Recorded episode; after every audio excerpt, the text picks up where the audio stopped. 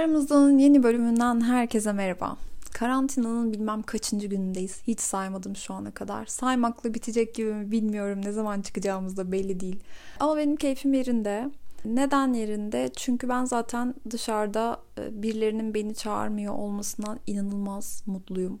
E, konsantre olabiliyorum. Eğer bir şey üretmeye çalışıyorsanız veya evde çalışmak zorundaysanız dışarıda insanların ne kadar eğleniyor olduğunu düşünmektense hiç kimsenin evden çıkamayacağını bilmek inanılmaz rahatlatıcı oluyor. Bunu yaşayanlar bilir. O yüzden benim çok keyfim yerinde başından beri. Çünkü yapmam gerekenler var ve yazmam gereken bir kitabım var. Ona devam ediyorum.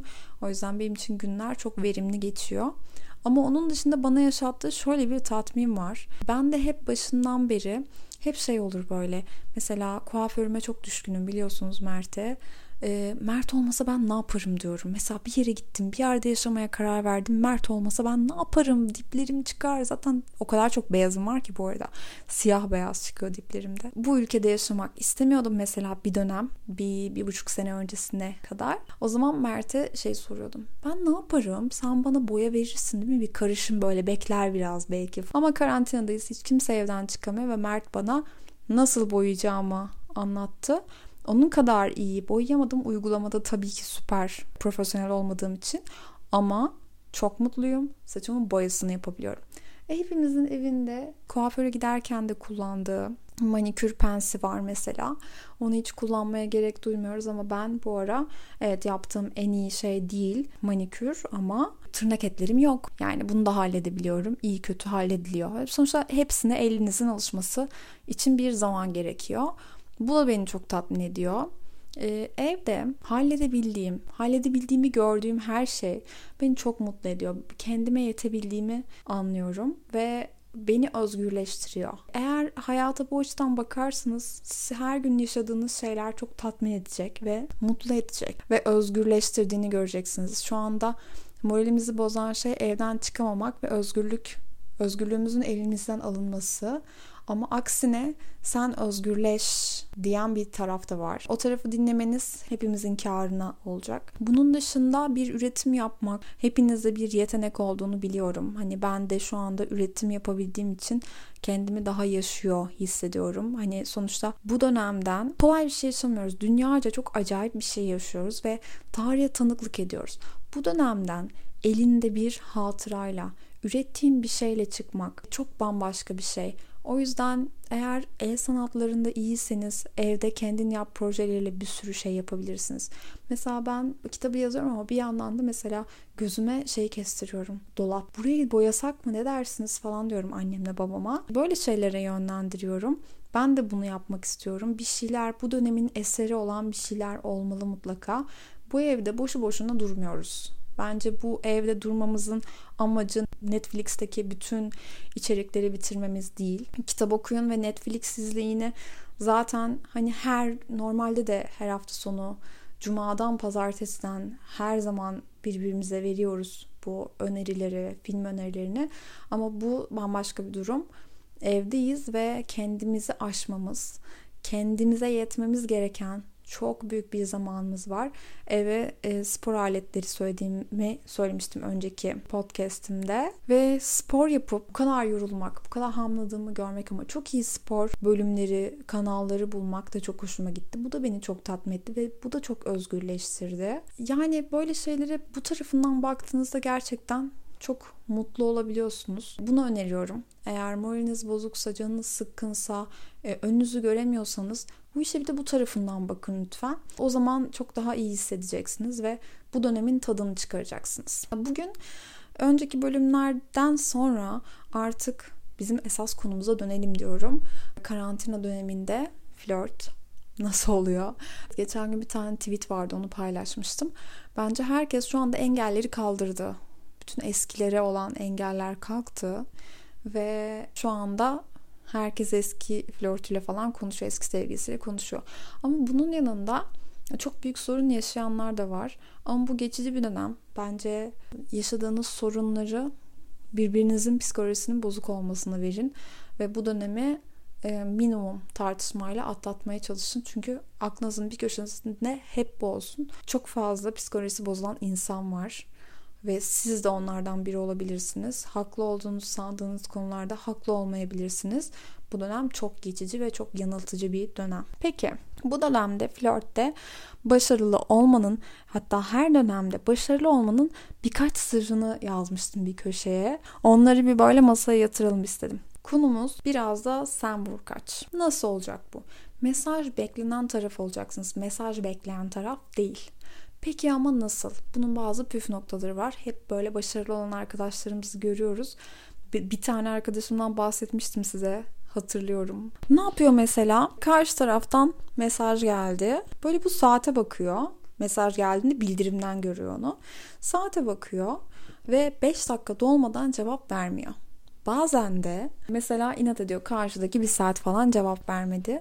Bu telefonunu uçak moduna alıyor bir de ters çeviriyor ve masaya koyuyor. Biz böyle inanamıyoruz. Ben ona bin kez cevap vermiştim. Nasıl olabilir bu diyorum. Bu kız hep kazandı arkadaşlar. Bu kız hep ama hep istediği herkesi e, uzun süreli bir ilişkinin içine soktu. Fundalar ne yaptı? Eğer istiyorsa oldu, istemiyorsa olmadı. İşi Allah'a kaldı falan filan yani. Bizim hep böyle ve hayatımda bu konuda tanıdığım en başarılı insan odur. Mesela ben e, şey olan tepkimi veririm.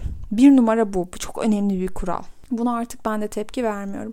Akıcı konuşma konusunda çok takıntılıyım.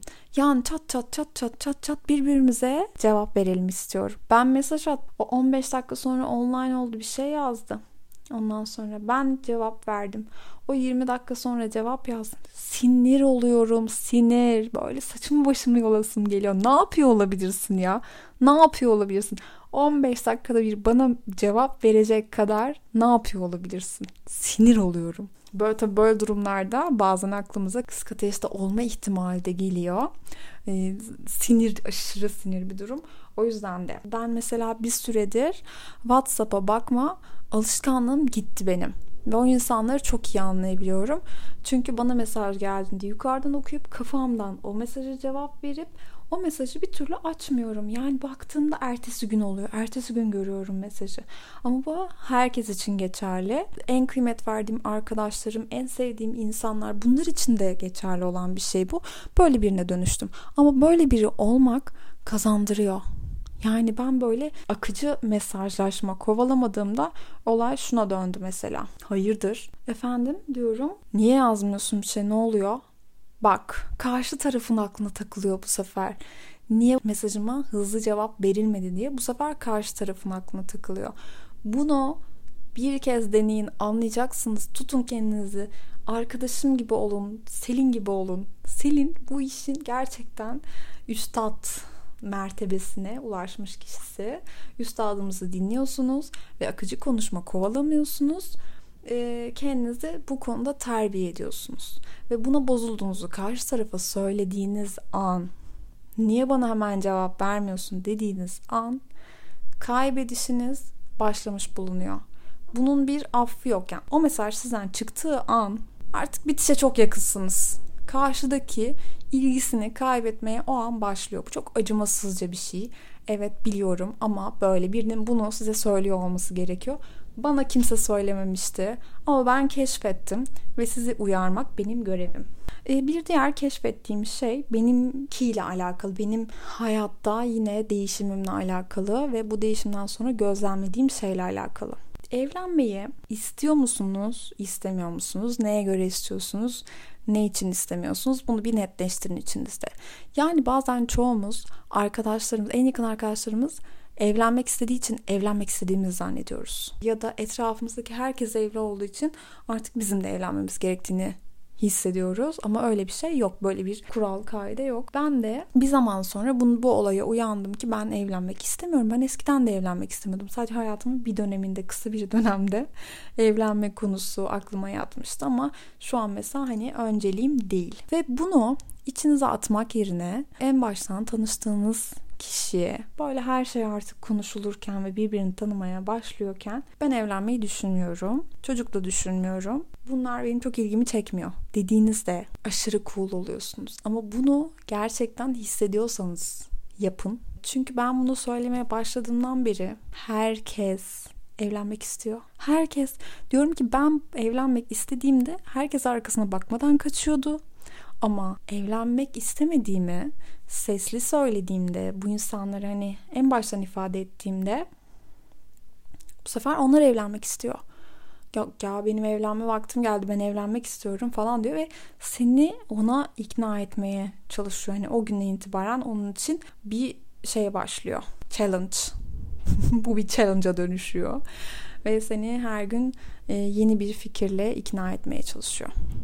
E, bunu da gördüm. Yani bunlar, bu maddeler tamamen sizin her şeyi lehinize çevirebilmeniz için gerekenler. Bir, akıcı mesajlaşmayı kovalama ve akıcı mesajlaşılmadığında da sinirlenme. Sinirlenirsen de sakın ona belli etme.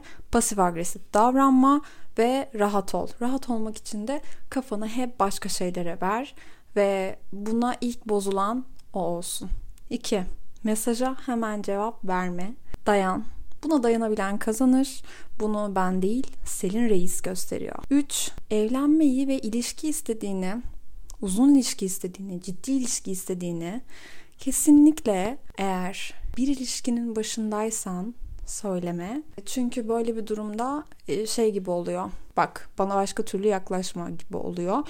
Ben bu hatayı yaptım daha önce ve daha rahat olanlar. Bu, bu nasıl hissettiriyor biliyor musunuz karşı tarafa? Bununla ciddi ilişki kurulmayabilir ki böyle bir endişesi var gibi geliyor. Halbuki bu konuya hiç değinmediğinizde zaten sizin hayatınızın normal akışında doğru düzgün ve ciddi uzun ilişkilerinizin olduğu ve bunun düşünmeniz gereken bir detay olmadığı düşünülür karşı taraftan ve bu konu hiç konuşulmadığında e, zaten siz ilişkinin gidişatından neyin içinde olduğunuzu anlarsınız.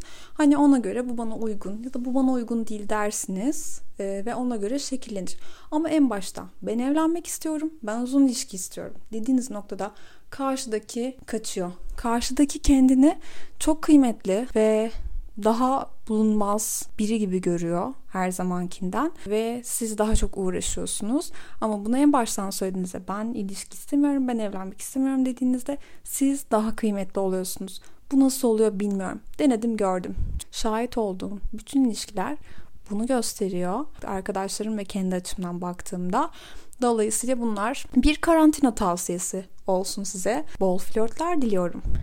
ne diyebilirim ki?